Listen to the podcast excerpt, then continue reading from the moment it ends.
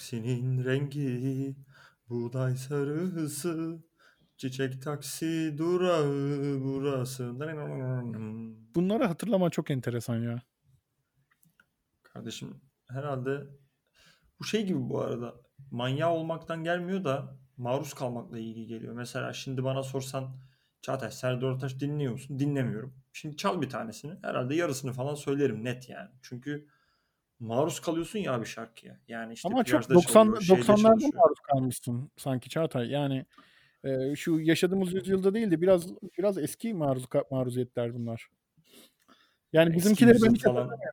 Yani bizimkilerdeki triportörün sesini hatırladın geçen bölüm. Sesi değil de yani evet, megafondan çıkan şey. Ama mesela o birazcık bu arada eee, genel genel kültür yani çok sikko genel kültürü diyeyim birazcık istersen. Çünkü ben de mesela Halil Halil leş genel kültür. Ama bu da kültür yani baktığın zaman. Bu mesela şeyde de söylüyordu bunun. Eee, neydi o Şahan çıkabilirdi bir adam vardı. Hırçın, hırçın, hırçın diyen bir adam vardı hatırladın mı? Evet. O adam mesela söylüyordu Halil pazarlamayı mesela. Hani böyle böyle böyle böyle o adamın da esprisini yaparken o, o bayağı taze kalıyor aslında. Çiçek taksiyi nereden hatırladın? Onun da mı esprisini böyle yapıyordun, şey yapıyordun? Ee, ben onun sözlerinin hiç bir anlamı olduğunu düşünmüyordum. Hani ezbere aklımda olduğunu. Bir gün böyle kendim yavaş yavaş söyledim. Buğday sarısı. Aa hakikaten lan buğday sarı, taksi de sarı. Anladın mı? İşte emekler falan böyle bir şarkının bir sözün anlamı olduğunu fark ettim yani. Hani çocukken İngiliz şarkıları söylersin ya. Çapfiçu mesemme falan filan gibi. Ke- ne dediğini bilmezsin. Ne? Keçi. Akılda Keçi. kalıcı. Gada keçim ol. Ee, ya- Mesela sen Pokemon. Pokemon'un sözlerini biliyor musun mesela? Ben bilmiyorum Tabii. yani. Ben tamamını biliyorum Pokemon sözlerini. Hadi ya. Tabii. Ne diyor Türkçe? be- Türkçe İşte I wanna be the very best. En iyisi olmak istiyorum. The no Aha. one ever asked. Hiç kimsenin olmadığı kadar. Hı. To catch them eee unuttum lan orayı. To catch them eee Amına koyarım diyor. Ha, to catch them is my quest. İşte Ha, amacım okey. onların hı. onları yakalamak. Eee bir şey bir şey ol. Eee, tamamını yakalamak gibi bir şey vardı. Gada orada keçim işte. ol ya işte. Oğlum en Ondan sonra- önemli en, en bilinen kısmını unuttun. Zor şeyleri söyledin. Orayı aman petrolün aman petrolün her şeyini söyleyip nakaratını unutman gibi. Ya sonra bir şey diyordu. Aman ne uranyum falan ya öyle bir şey falan. Bunun gibi bir şey oldu yani. Olabilir. İşte Gada kaçım ol, Gada kaçım ol. Öyleydi yani. Ya o bayağı Kardeşim- fanıydık çocukken yani Pokemon'un. Ee, evet yani onu onu dedike bir şekilde izliyorduk. Yani biri maruz kalarak izlemek değil, e, öğrenmek Tabii, değil. Bu Pokemon tabii değişik bir örnek. İsteyerek yani onu keşke söyleyebilsek yani falan. Garagaçıyor dışında başka bir şey söyleyebilsek gibi bir O şeydi. de. dönemlerde bir hayat tarzıydı. Yani e, belki de benim yani ben 7. yani ortaokulda falandım zannediyorum. Yani ortaokulda e, şey hatırlıyorum. O kadar çok tasa oynanır oynanırdı ki sınıf kumarhaneye dönmüştü. Yani böyle e, biz bir de bizim sınıf özellikle böyle herkes bizim sınıfa toplanıyordu. E, işte birbirlerini ütüyorlardı falan. Borç veriyordu faiz. Bunun baronları falan vardı değil mi böyle borç verip faiz alan. Sen ne diyorsun? Aynen öyle. Böyle e, fedaileri falan oluyordu. Böyle bir tasoya tutuyordun böyle seni koruyordu falan. Yani çünkü elinde bir poşet taso var. E, adam dövüyorlardı falan. Öyle öyle tipler vardı. Ya aslında onunla ilgili küçük bir anekdot vereceğim yani şimdi aklıma geldiği için yani. Böyle şeyler insan yani o zaman tabii fark etmiyorsun zihnin yetmediği için ama böyle şeyler insan doğasıyla ilgili çok güzel ipuçları veriyor. Yani insanın doğasında bu tip organizasyonlar, bu tip tekelleşme, bu tip faiz isteme anladın mı? Çıkarsız bir iş yapmama adamın o evil yani maalesef şu an evil diyeceğimiz şeyler insanın doğasında olduğunu orada görüyorsun. Yani hiç Tabii kapitalizm çocuk- bilmeyen anladın mı? Hiç piyasa market e, piyasa değerlerini bilmeyen adam çocuk aynı aslında o market condition'ı arz talep dengesini orada yaratıyor bir şekilde anladın mı? Sıfırdan tas olan mesela. Aynen öyle. Mesela e, şu anda da e, şey öyle değil mi? E, insanların böyle e, stokçuluk yapıp e, kriz anında insanlar ölüyor ama umurunda değil. E, Aynen maskecilerin fiyat artırması falan Fiyat mesela. gibi. Aynen öyle. E, o, o dönemde mesela Taso'da bir noktada ben şöyle bir noktaya gelmiştim sınıfta hatırlıyorum. Eee, hiç taso almıyordum. Aylardır yani cips almıyordum. İçinden taso şey Hı artık, Hı eee, verdiğim borç verdiğim tasoların faizleri, eee, orada masa işletiyordum. Eee, masanın masanın kârı bana geliyordu falan böyle. İşte 10 taso koyuluyorsa Kardeşim masaya kesin yaşanmıştır bu dediğin yani. Kesin yaşanmıştır diye hesap var ya Twitter'da. Bu biraz onun gibi oldu kardeşim. Evet işlettiğin masadan kira alıyordun kardeşim. Onun amortismanını da kime ödüyordun kardeşim? Sınıf başkanına mı ödüyordun sonra? Ne oluyordu onun şeyi? Yani o kadar da abartı değil tabii de. Yani mesela, eee, 1 ay sonunda 1 poşet tason birikmişti. Hiç, eee, şey yapmadan, dışarıdan taso almadan, oynamadan. Öyle bir, Peki eee, sınıftakiler vergi iadesi alıyordu. Diğer sınıftakilerden az mı vergi alıyordun kardeşim teşvik etmek için dış Abi kaynaklı sıcak bir parayı? şımarıklığa döndü biliyor musun? Çok enteresan. Bunu anlatmak istiyorum. Buyur. başka sınıflara giderdik. Yani bizim, eee, sınıf artık kumarhaneye döndüğü için yani para orada dönüyordu. Ekonomi oradaydı. Eee, bizim sınıfta böyle çok, eee, kazananlar oluyordu böyle taso.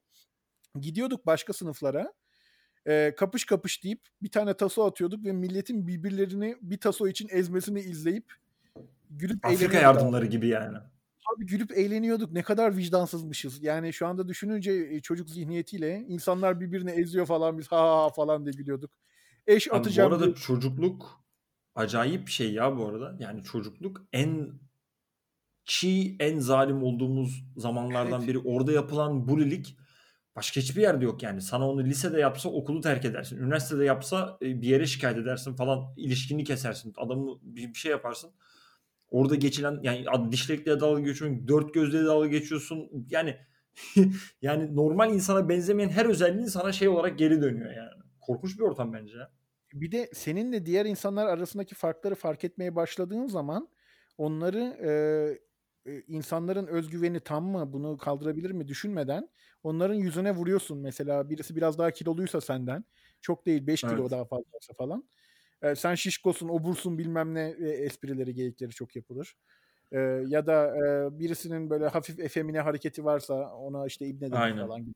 Aynen. Ve yani Eee şey yani bu konuda hiç empati sıfır yani. Hani empati yeteneğimiz Tabii. herhâlde sonradan mı gelişiyor? Sen daha iyi bilirsin ama yani. Sanki evet. Yani bu yani ben dahi bilmeyebilirim tabii de yani bu in insanın başka insanları, eee, algılama yeteneği biraz, eee, hayatta zorluklarla mücadele ettikten sonra, "A, benim de başıma bu gelmişti. Buna benzer bir durum onun başına gel gelmiş olabilir." diye düşünmeye başladıktan sonra oluyor. Çünkü Yaşanmamışlıkların olduğu bir yerde zor tabii. Şöyle bir, bir şey hatırlıyorum belgeselle ilgili. Çocukların empati yeteneğinin gelişmediği şeyde kanıtlanmış. Atıyorum işte hani 4-5 yaşına kadar gelişmediği şeyde kanıtlanmış. Nasıldı ya o? Şey oluyor 2 tane karşılarında kukla belki görmüşsündür. 2 tane karşılarında kukla oynatıyorlar, tamam mı? O kukla şey yapıyor, bir şeyi sakladım makladım falan diyor. Sonra, diğeri de onu kandırmak için bir şey yapıyor, tamam mı? Hani çocuk uzaktan onu görüyor. Hı hı. Çocuk bir bir kuklanın diğer kuklanın arkasına iş çevirdiğini görüyor, tamam mı? Sonra soruyorlar, "O diğer kukla sence şeyin nerede olduğunu biliyor mu?" diyor mesela kutunun. Çocuk diyor ki, "Biliyor, burada." diyor mesela, tamam mı? Çocuk 4 yaşındaysa. Çünkü çocuk bütün sahneyi gördü, tamam mı? Hı Şeyin, hı. o kutunun yerini biliyor yani ama bir kuklanın diğer kuklanın onu sakladığını anlayabilecek kapasitede değil. Yani kendini o küçük kuklanın yerine koyamıyor göremedi görememesine ama işte atıyorum 7 yaşında çocuğa yapıyorlar. O o o diyor ki, "Tamam burada lan." falan filan yapıyor yani mesela. Onun bir Anladım. yaşı vardı yani ama dediğim gibi çok şey yani bu kadar biliyorum yani. Evet, yani biraz belki de ergenliğe geçtikten sonra ilk hayatta böyle, eee, öz güvenimizle ilgili kötü tecrübeleri yaşamaya başladıktan sonra, eee, başkalarını daha iyi anlamaya başlıyoruz sanki diye düşünüyorum. Çünkü onun öncesinde yani, eee, çok zor. Eee, ortaokul çağındaki bir çocukta yani çok buliyleme vardı. Ya, insanların birbirleriyle, eee, kavgasını ayırmazdın mesela. İzlerdin ve alkış tutardın. Öyle Evet. şeyler vardı. Yani çok Evet, zalimce. aynen. Gladyatör şeysi gibi. Bizde şey vardı Evet. ya onu çok net hatırlıyorum. Böyle 6. sınıfta falan al yok 6 değil. Hayır 6'ya kadar yani çocuk 5. sınıfa kadar bir çocukla dombi, dombi falan diye daşak geçiyor. Tamam şişman diye ama ya çocuk chubby'ydi yani. Hani atıyorum o, o zaman standart kilo 40'sa o çocuk 45-46'ydı falan tamam mı? Çok Ama yani hani balık etliydi yani. Ama o sınıfın en şişmanıydı. Mecbur o bizim şişmanımızdı yani. Ee, sen batsan çıkmazsın sen bilmem ne falan diyorduk. Sonra abi 6. sınıf oldu. Böyle olur ya bilmem nereden birileri gelir. Bir lise bir şeye karışır falan. Bir, bir okul bir şeye karışır. Öyle bir şeyler oldu. Ya da atıyorum sabahçı öğlenci birleşti falan. Bir şeyler oldu hatırlamıyorum. Bizim sınıfa 7 7 8 tane yeni tip geldi. Bir tanesi acayip şişman ama tamam mı? Hani işte ortalama kilomuz 40 ya mesela. Bu çocuk 63 kilo yani. Bu çocuk şişman yani. Ve bir anda bizim en şişmanımız olduğu için aynı şekilde aynı efor, aynı esprileri o çocuğa yapmaya başladı. Diğer çocuk kurtuldu mesela. Ya o çocuğun hiçbir şişmanlığı kalmadı. Ve o çocuk o çocukla dalga geçmeye başladı yani. Aslında hiç zayıflamamıştı değil mi? Yani hani hiç kilo bile vermeden aynen ya böyle salak salak robotlar gibiyiz. Hani salak robotlarda bir yere şey atarsın oraya gider oraya bakar falan ya. Hani böyle onun gibi yani. Böyle bir, bir şey oldu biz yaratık gibi en şişmana döndük bir anda dalga geçmek için. Yani yani hani geçmişe dönsen nereye dönersin diyorlar ya. Kesinlikle liseden aşağısına dönmem yani. O vahşi ortama Tabii, kesinlikle. dönmem yani. Ama şeyi merak zaman... ediyorum. Bully, bully'ler döner mi onu bilmiyorum mesela. Hani benim bully'm vardı yani. Bana bana gelip abi bak bugün bana yeni biri işkence metodu gösterdi. Bacağının şurasını sıkınca oluyormuş diye hep benim üzerimde gösteren bir çocuk vardı mesela. Hani o çok acı çekmedi ortaokulda diyebiliyorum. Ben çektim onun yaşattığı acıları. Mesela o belki dönmek ister yani. Ondan emin değilim açıkçası. Beni de çok bulilerlerdi bu arada biliyor musun? Beni yani böyle hatta anaokulundan beri bulilerlerdi. Ya dayak da yerdim çok. Ee... Bu arada özür dilerim Ömer çok hızlı böleceğim. Bulilemek yani aslında kaba dayılamak ama işte Türkçeyi herhalde Türkçesi tam yok o yüzden öyle söylüyoruz. Evet. Bully'nin kökeni herhalde boğa değil mi? Ama neyse. Kaba dayılanmak, dayılanmak mı? Yani işte öyle bir şey. Okay. Yani çocukların birbirine yaptığı aşağılama, küçük düşürme hareketleri ve hani bu konuda yargı sistemi olmadığı için çocuklar dünyasında e, birinin kişiliğini küçültme hareketi, ezme hareketi. Evet. Bulileme dediğimiz e, o. Okey. Anıya devam edebilirsin. Böldüm özür diliyorum. Ha, yo ana değil yani beni de çok bulilerlerdi ve hani ben çok muzdariptim fakat biraz yaşım büyüyünce e, ben de aynısını yap yani hani beni bulileyen vardı benim bulilediğim vardı öyle bir dönem yaşadım. evet. Aynı evet, dönem büyük balık küçük balık. Evet. O, o kadar pişmanım ki yani mesela e, beni okul servisinde büyükler vardı bulilerlerdi beni e, kafama falan vururlardı. Aşağılarlardı böyle. Öyle, o tip hareketler yaparlardı. E, fakat e, benim de mesela mahallede böyle dalga geçtiğim, e, şey yaptığım, aşağıladığım biri vardı yani. Evet herkes gücün gitti yani. Hiçbirimiz iyi insan ol ben iyi insan olduğum için eziliyordum demiyorum zaten. Muhtemelen ben daha süt muhallebi çocuğuydum. O zaten beni ezen tipler daha mahalle tipleriydi. Daha böyle abileriyle falan büyümüş tiplerdi anladın mı? Daha eğitimliler yani. Oradan aldığı eğitimle seni eziyor yani aslında. Ben mesela hani evin en büyük çocuğuydum. Mahallede de hani yani ya, insanlar yaşama yakındı. Böyle bir bululenme tecrübem olmadığı için bir yerden katılaşmamıştım. Ama işte aynen senin dediğin gibi birileri beni orada şey yapınca, ezince ben oradan edindiğim şeyle, bilgiyle daha salak birine şey yapıyordun evet. Bu arada şöyle bir şeyle konuyu kapatmak istiyorum.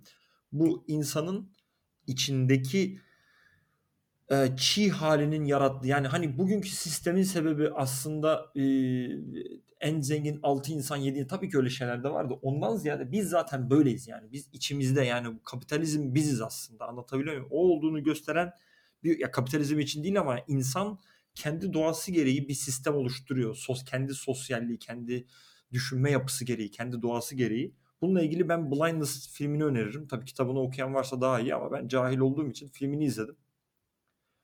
Ee, sen bilmiyorum konuyla e, hiç alakam yok. haşır neşir misin ama yok, hiç blindness şey ya şöyle oluyor abi bir hastalık geliyor korona gibi düşün nasıl yayıldığını da çok anlamıyorlar galiba insanlar kör oluyor abi şey gereği. O, ama yani bütün insanlar başbakanlar herkes kör oluyor ve orada yani ne olduğunu çok bir önemi yok ama insanlar kör olduktan sonra herkes kör olunca mecburen yeni bir dünya düzeni oluşuyor anladın mı? Yani gö- gören insanların gören insanın başbakanı ya da gören insanlar şu anki insanların en güçlüsü en zengini kimse herkes kör olduğunda ya da en güzeli kimse diyelim manken kimse herkes kör olduğunda sistem değişiyor yani anladın mı? Güç dengeleri değişiyor ama insanın doğası gereği hiyerarşi şey yani roller değişiyor belki anladın mı? Kimin güçlü olduğu değişiyor ama sistem çok değişiyor mu değişmiyor mu onu da izleyicilerimize bırakalım. Ee, George Orwell'ın Hayvanlar Çiftliği kitabı e, tam olarak sanki bunu anlatıyor gibi biraz. Domuzların e, kontrolü ele aldıktan sonra e, aynı insanların yaptığı gibi e, hiyerarşi, e, adam kayırma, pis bir düzen içerisinde. Evet ama orada bir taş atma da var evet, tabii baktığın zaman. O bir o, tabii. o bir fable tabii baktığın zaman. Yani domuz da birini temsil ediyor, at da birini temsil ediyor falan filan orada. Ben boksör öldüğünde çok üzüldüm. Boksör ölüyor galiba yanlış hatırlamıyorsam. Filmde çok üzüldüğümü hatırlıyorum. Başka bir şey hatırlamıyorum kitapla ilgili. İşte Hımm. kitapta. Filmi de mi var? Filmi de vardır muhtemelen. Ya, şey, Hayvanlar Çiftliği'nden mi bahsediyoruz şu anda? Hımm. Hayvanlar Çiftliği. Film yok canım. Filmle ilgili spoiler vermeyeyim. Güzel film bu arada. Gael Gar Garcia Bernal oynuyor. Güzel bir oyuncudur. Mark Ruffalo oynuyor. Bir de güzel bir kadın oynuyor ama unuttum ya. Herhalde şey. Böyle sürekli filmlerde memesini gösteren bir kadın var ya. Neydi onun adı ya? Julie bir şey. Neyse. biraz üzücü o oldu. Ne? Ya, yüzünü görsem tanımam ama memesini görsem kesin tanırım. Aynen. Julian Julian Julian Moore galiba. Julian Moore mu? Öyle bir şey. Ama şey, eee, neden onun adı? O filmde göstermiyor galiba. O yüzden sırf koşa koşa o filmi izlemeyelim. Pokemon'la ilgili şöyle bir şey diyeceğim Ömer. Konuyu yani bu konulardan sıyrılmamız adına çok uçtuk dallandık. Şunu tahmin ediyorum. Sen söyle. Bence senin Pokemon kartların vardı kardeşim. Sen A, öyle bir diye düşünüyorum. Eee, Pokemon kartlarım, tasolarım, eee, hatta Taso'yu siktir. Taso çok leş abi. Taso cipsten çıkıyor. O yüzden konuyu karta getirdim yani. Kart başka bir kültür. O yüzden söyledim Kart yani. başka bir kültür ama onu oynamayı bilen yoktu. Sadece koleksiyon yapıyorduk. Ha, onu diyeceğim işte. Ben çok kasıyordum ona abi. Kartlarını alıyordum. Nasıl savaş yapılır onu öğreniyordum. 20 power, 30 power, 40 power anladın mı? Böyle vur işte potionlar falan vardı yani güçlendiriyordum falan. Onları öğrendim okudum abi her şeyini. Çünkü kutunun içinden onun belgesi çıkıyordu şeyi. Abi koca sitede bir kişi buldum ya. Bir kişi. Ve o çocukla oynadık. Evet. Ve şöyle oluyor yanlış hatırlamıyorsam oyun bir ka- kazanıp kaybettiğinde en fazla 3 tane portion kartını rakibinin kazanıp ediyordun. Haliyle çok bir, bir, bir halta yaramıyor. Taso gibi değil yani. Taso'da kaybedersen her şeyin gidiyor ya. Bunda öyle bir şey değildi. All or nothing değildi yani. Ee, sıkılmıştım. Keşke böyle bu onu oynayan 10 tane arkadaşım olsa diye hep hayalini kurmuştum ama şanssızlık işte hiç olmamıştı. Muhtemelen senin de az oldu yani herhalde. Yo ben de biliyordum kurallarını. Eee, o Yok dönem yani arkadaşın diye yani. eee, o dönem yok arkadaşım yoktu. Pokemon yani onu oynamayı bilen. Pokemon Card Game diye bir bilgisayar oyunu çıkmıştı. Eee, çok kötü bir bilgisayar oyunuydu ama kart kurallarına göre oynayabiliyordum falan. Sürekli onu bilgisayara karşı oynuyordum. Ve yani eee, çok sıkıcıydı. Eee, çok Evet. özeniyorum. Yani keşke öyle bir çevrem olsa da ben de eee, bu kartı eee, onlarla öyle oynayabilsem diye. Mesela Potion'un falan hiç değeri yoktu. Herkes koleksiyon yaptığı için. Eee, yok Aynen. Şu parlak yok kartlar, hologramlı kartlar falan vardı herhalde. Aynen öyle. Herkes onun peşindeydi. Aslında oyun tamamen farklı. Hiç elinde parlak kart olmasa bile güzel bir oyunla yenebileceğin, stratejiler geliştirebileceğin şeyler falan var ama eee, biz o noktaya gelememiştik yani. Eee, bu arada bazı haberlerim var. Eee, Buyur dünya- abi. Fenerbahçe 3 haftadır maç kaybetmiyor. Ben bir Fenerbahçeliyim abi. Bu haberi bu arada ben Fenerbahçe'nin herhalde çok takip etmememin sebebi çok kötü olması herhalde. Herhalde iyi olsa takip ederdim. Sadece 40 yılın maçı bir şeyi izleyeyim dedim. Galatasaray maçını izleyeyim dedim. Çünkü Galatasaray en garanti maç yani evimizde kaybetmiyoruz yani. Çok garanti maç. Onu izleyeyim dedim. Gol de attık. Dedim ki of ya çok akıllıyım, çok zekiyim falan dedim. Hani doğru maçı buldum. Fenerbahçeli olduğumda gurur duyacağım bir maç buldum dedim. Sonra işte ne oldu? Yenildik mi biz? Yenildik değil mi de? bildiniz evet. Sonra öğrendim ki zaten Fenerbahçe 7 haftadır kazanamıyormuş zaten. Öyle enteresan bir e, durumdaymışız. Tatlı su Fenerbahçeliliği ya. Kendimle gurur duyuyorum yani. Çünkü zamanında takımın yüzünden üzüldüğüm oldu yani ve üzüldüğüme üzüldüm ya. Mirkelam gibi yani böyle yani takımın beni nasıl üzebilir diye çok üzüldüm yani. Sonra desteklememeye başladım. Sağ olsun. Öyle bir coşkulu dönem vardı. Ben de artık eee, herhangi bir takıma karşı bir sempatim bir şeyim yok. Hatta futbolcuları da takip edemiyorum ama bir dönem eee, çok ciddi çocukluk çağlarında eee, deli gibi Galatasaray tutuyordum. Yani ne varsa. Sana şimdi utanacağımız bir anı hatırlatayım. Hatırlamıyorsundur muhtemelen. Bizim teneffüslerde abi hazırlıkta ama. Ya bir, birinci sınıfta yapmadık. Hakikaten yani gerizekalılığımızın farkına vardık bence. Şeyde abi bir teneffüs Galatasaraylılar siz çıkıyordunuz. Bu işte Emrecan, Ortaç falan siz böyle bir kol kola gidip tahtanın önüne çıkıp zıplıyordunuz ve bir marş söylüyordunuz. Loy loy loy bize bakıp tamam mı biz Fenerbahçelilere. bunu Ertesi yaptığım teneffüs gerçekten mi? biz derste aramızda konuşuyorduk. Abi hangi marş söylüyor? Ben de hiç bilmiyorum ya mesela. Onlar kağıda yazıyor ben ezberliyordum yani mesela. Bilmem ne marşı falan. Onu böyle biz çıkıp biz size doğru söylüyorduk. Böyle karşı karşıya marş söylüyorduk. Böyle bir iğrenç bir anımız var yani. Çok iyi hatırlıyorum. Çok kötüymüş. Keşke hiç Sen anlatmasam. hatırlamıyor musun? Ya hatırlayacak bir ana değil yani. Hani böyle e, hafızamda var. Bir ana değil yani o yüzden. Hatırlamıyorum. Gerçekten hatırlamıyorum ama doğrudur. Yapmış olabilirim yani. O dönemki kafa halimi düşünüyorum. Mümkün. Abi Ee, Cem Yılmaz skeçleri anlatıyordun ya rica ediyorum yani. Gerçi. Neyse tamam buraya buraya girmeyelim. Bu başka bir konu olsun istersen. yani siz beni promote ediyordunuz abi. Yani Ömer çok güzel Cem Yılmaz anlatıyor bilmem ne bir daha anlatsana.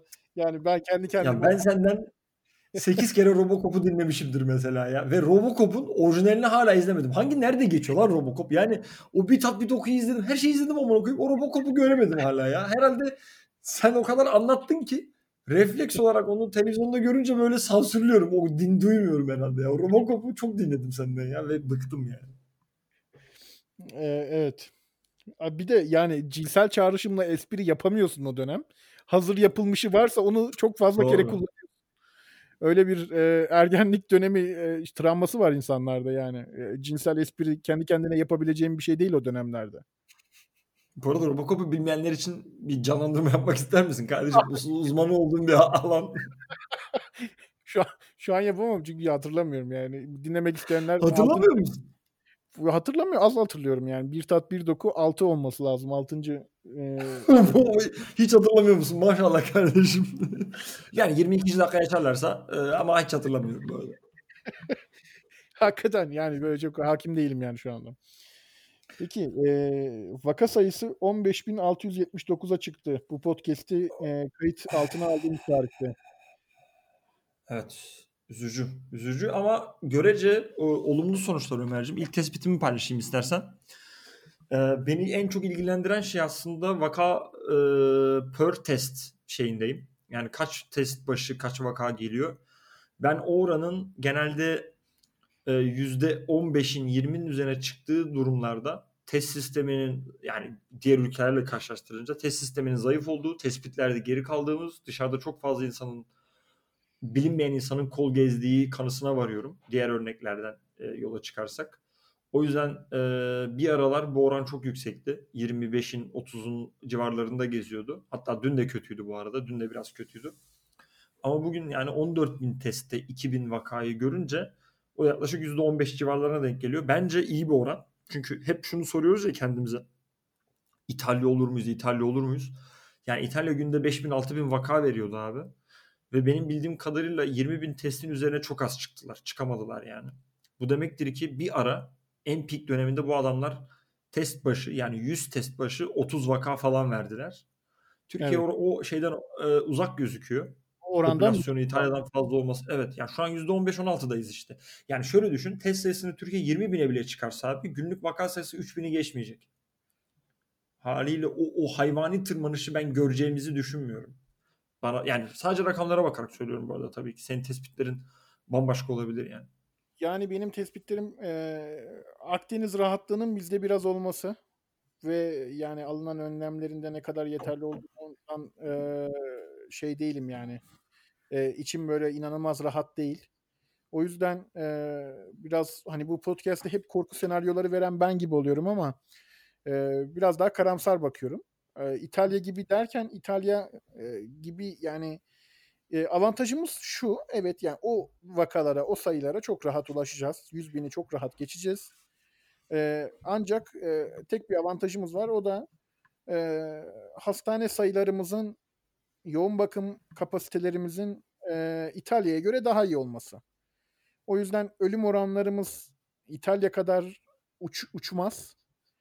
Ama e, yine de bir Almanya'nın disiplini insanların gerçekten bu e, social isolation kurallarına tamamen riayet etmemesi bizi de vuruyor. E, yine bir Akdeniz mutfağı olduğumuz belli yani. Orada abi iki eklemem olacak. Belki de üç olacak. Oradaki yani lütfen yorumlarını söyle ama yani düzeltme değil ama işte fikir, kafa açacağım yani.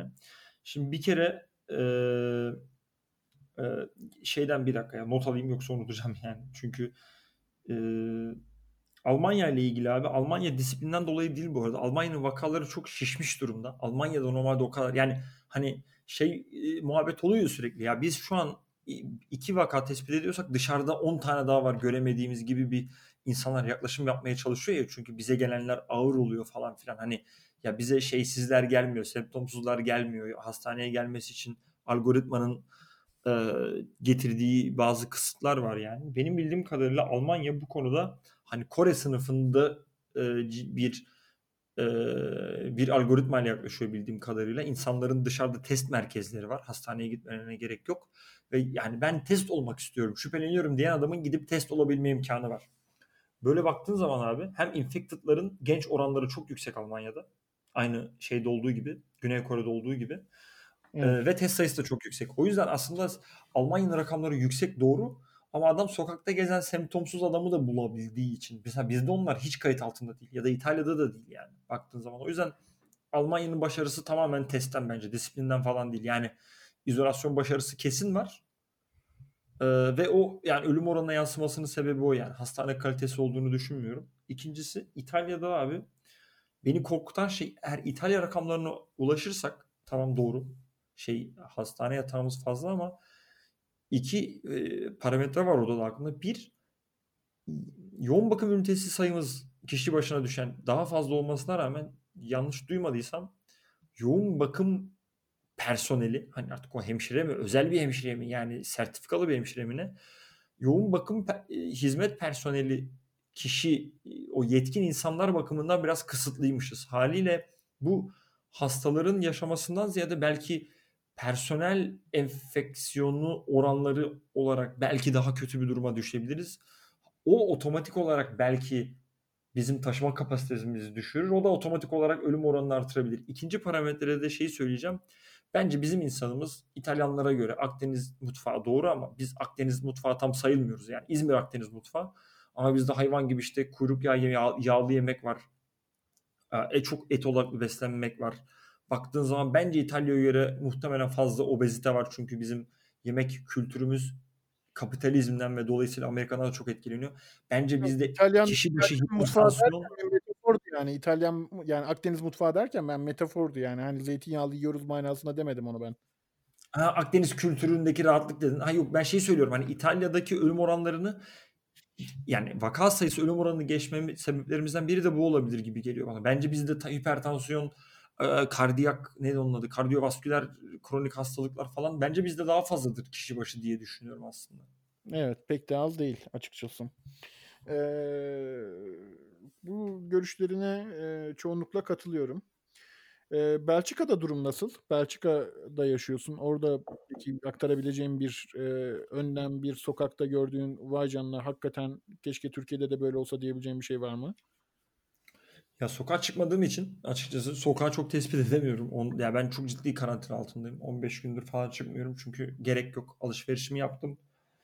Evden çalışabiliyorum. O yüzden yani yürü bir de fıtığım işte şimdi biraz koşamıyorum da yani. Hani koşabiliyor olsam koşar mıydım ondan da emin değilim. Çünkü hani korona olmamanın tek garanti yolu evden çıkmamak. Yani %100 tedavi yöntemi yani baktığın zaman. %100 yani. Hiçbir riski yok yani. O yüzden onu takip ediyorum ben de. Çünkü çok hijyenik biri değilim yani. Hani elimi yıkamayı kesin unuturum bir şey. Elimi ağzıma götürürüm. Ondan korkuyorum biraz.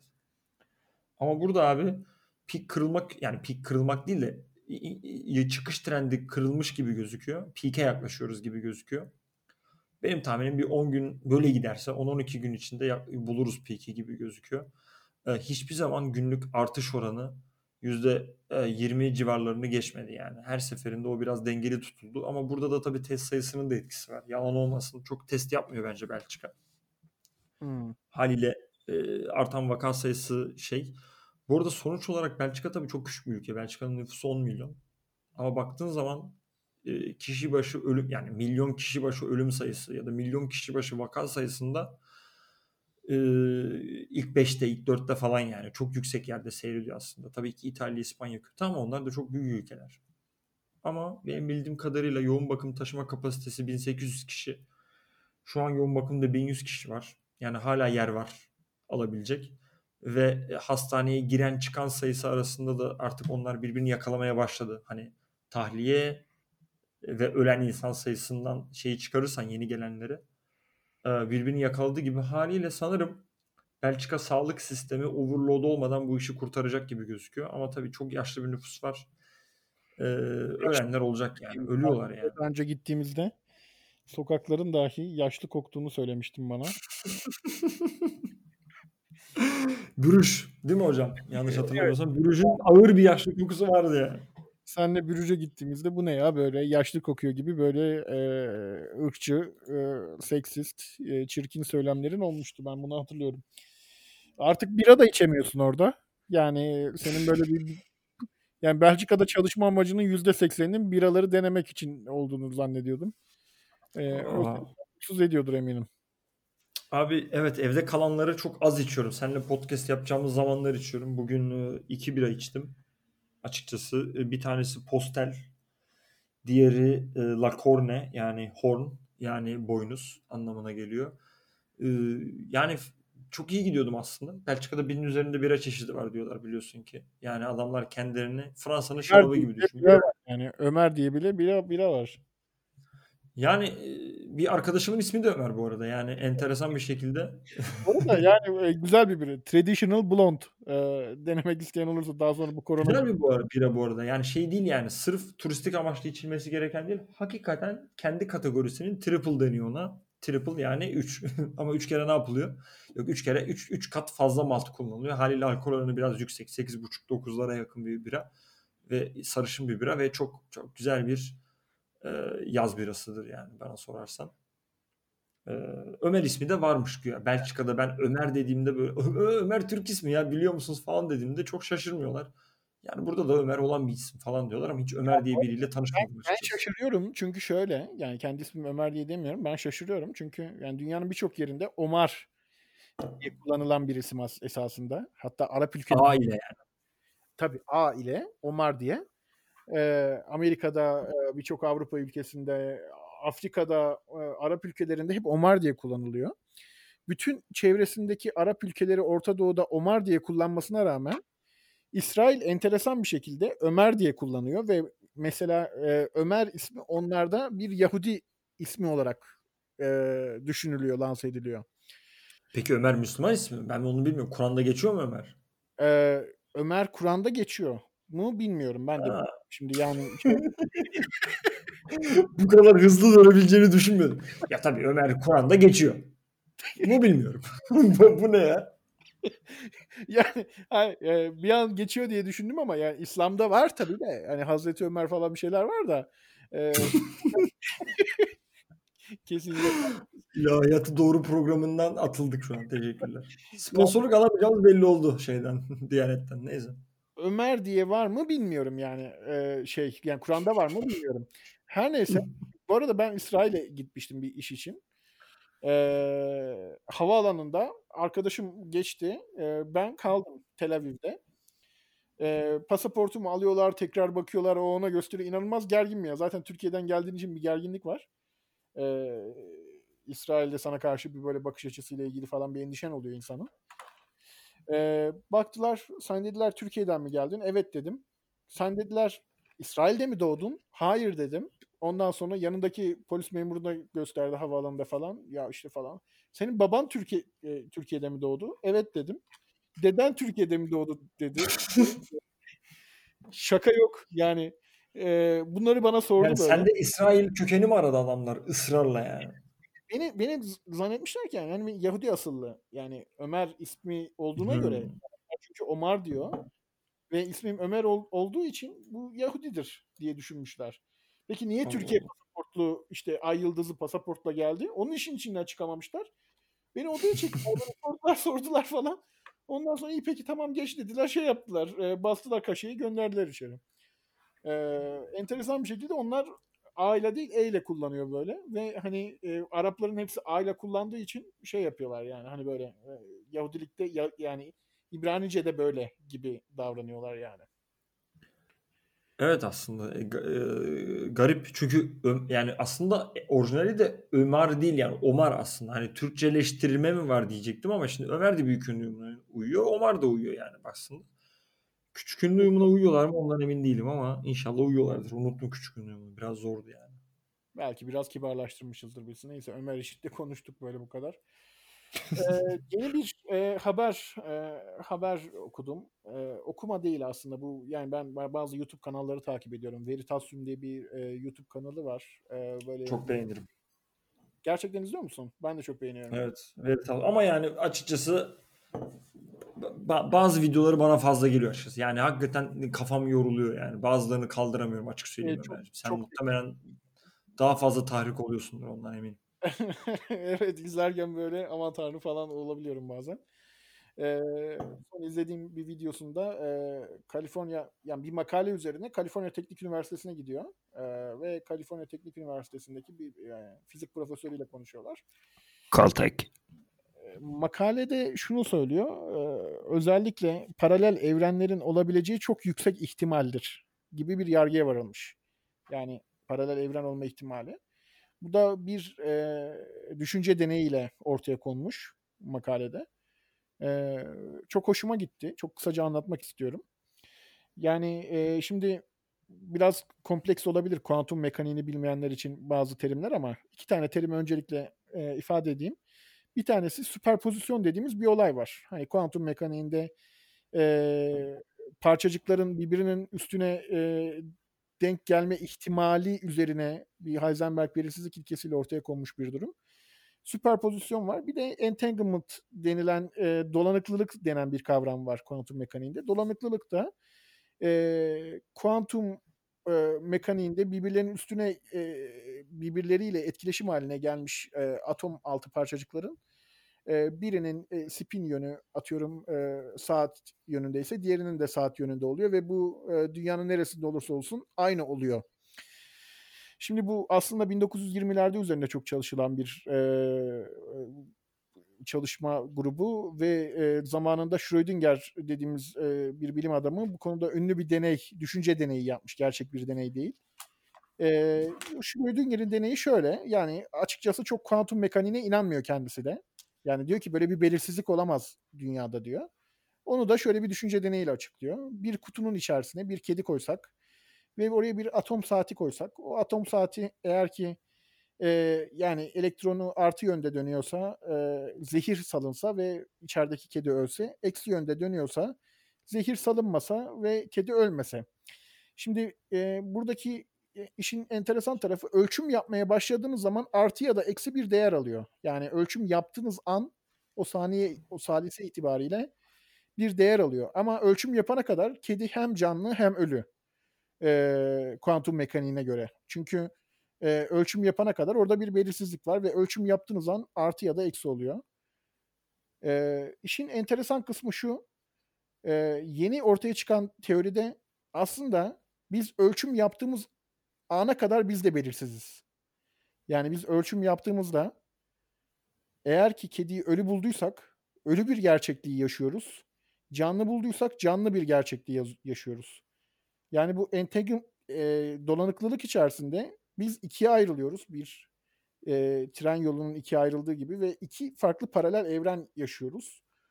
E, ve bunu formülasyonla gerçekten ortaya koymuşlar. Gerçekten de öyle. Yani her yaptığımız ölçümde, verilen kararda farklı bir paralel evren oluyor ve trilyonlarca, katrilyonlarca belki sayamayacağımız büyüklükte hatta tezahür dahi edemeyeceğimiz büyüklükte sayılar e, boyutlarında farklı evrenler var ve hepsinde farklı birer gelecek var. E, bir gelecekte mesela yani bir şimdiki zamanda salgın yok. Bir şekilde e, Çin'de bir salgın başlamamış.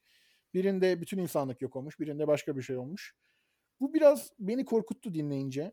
Aslında esprili bir video olmasına rağmen. Ee, ondan sonra o bilim adamı şunu sordu. Evet bu sizi korkutuyor olabilir. Milyarlarca farklı gerçeklik olması ve her verdiğiniz kararda iki gerçekliğin de gerçekten oluyor olması sizi korkutuyor olabilir. Ancak şunu düşünün. Evrenin şu anda sınırının ne kadar olduğunu bilmiyoruz.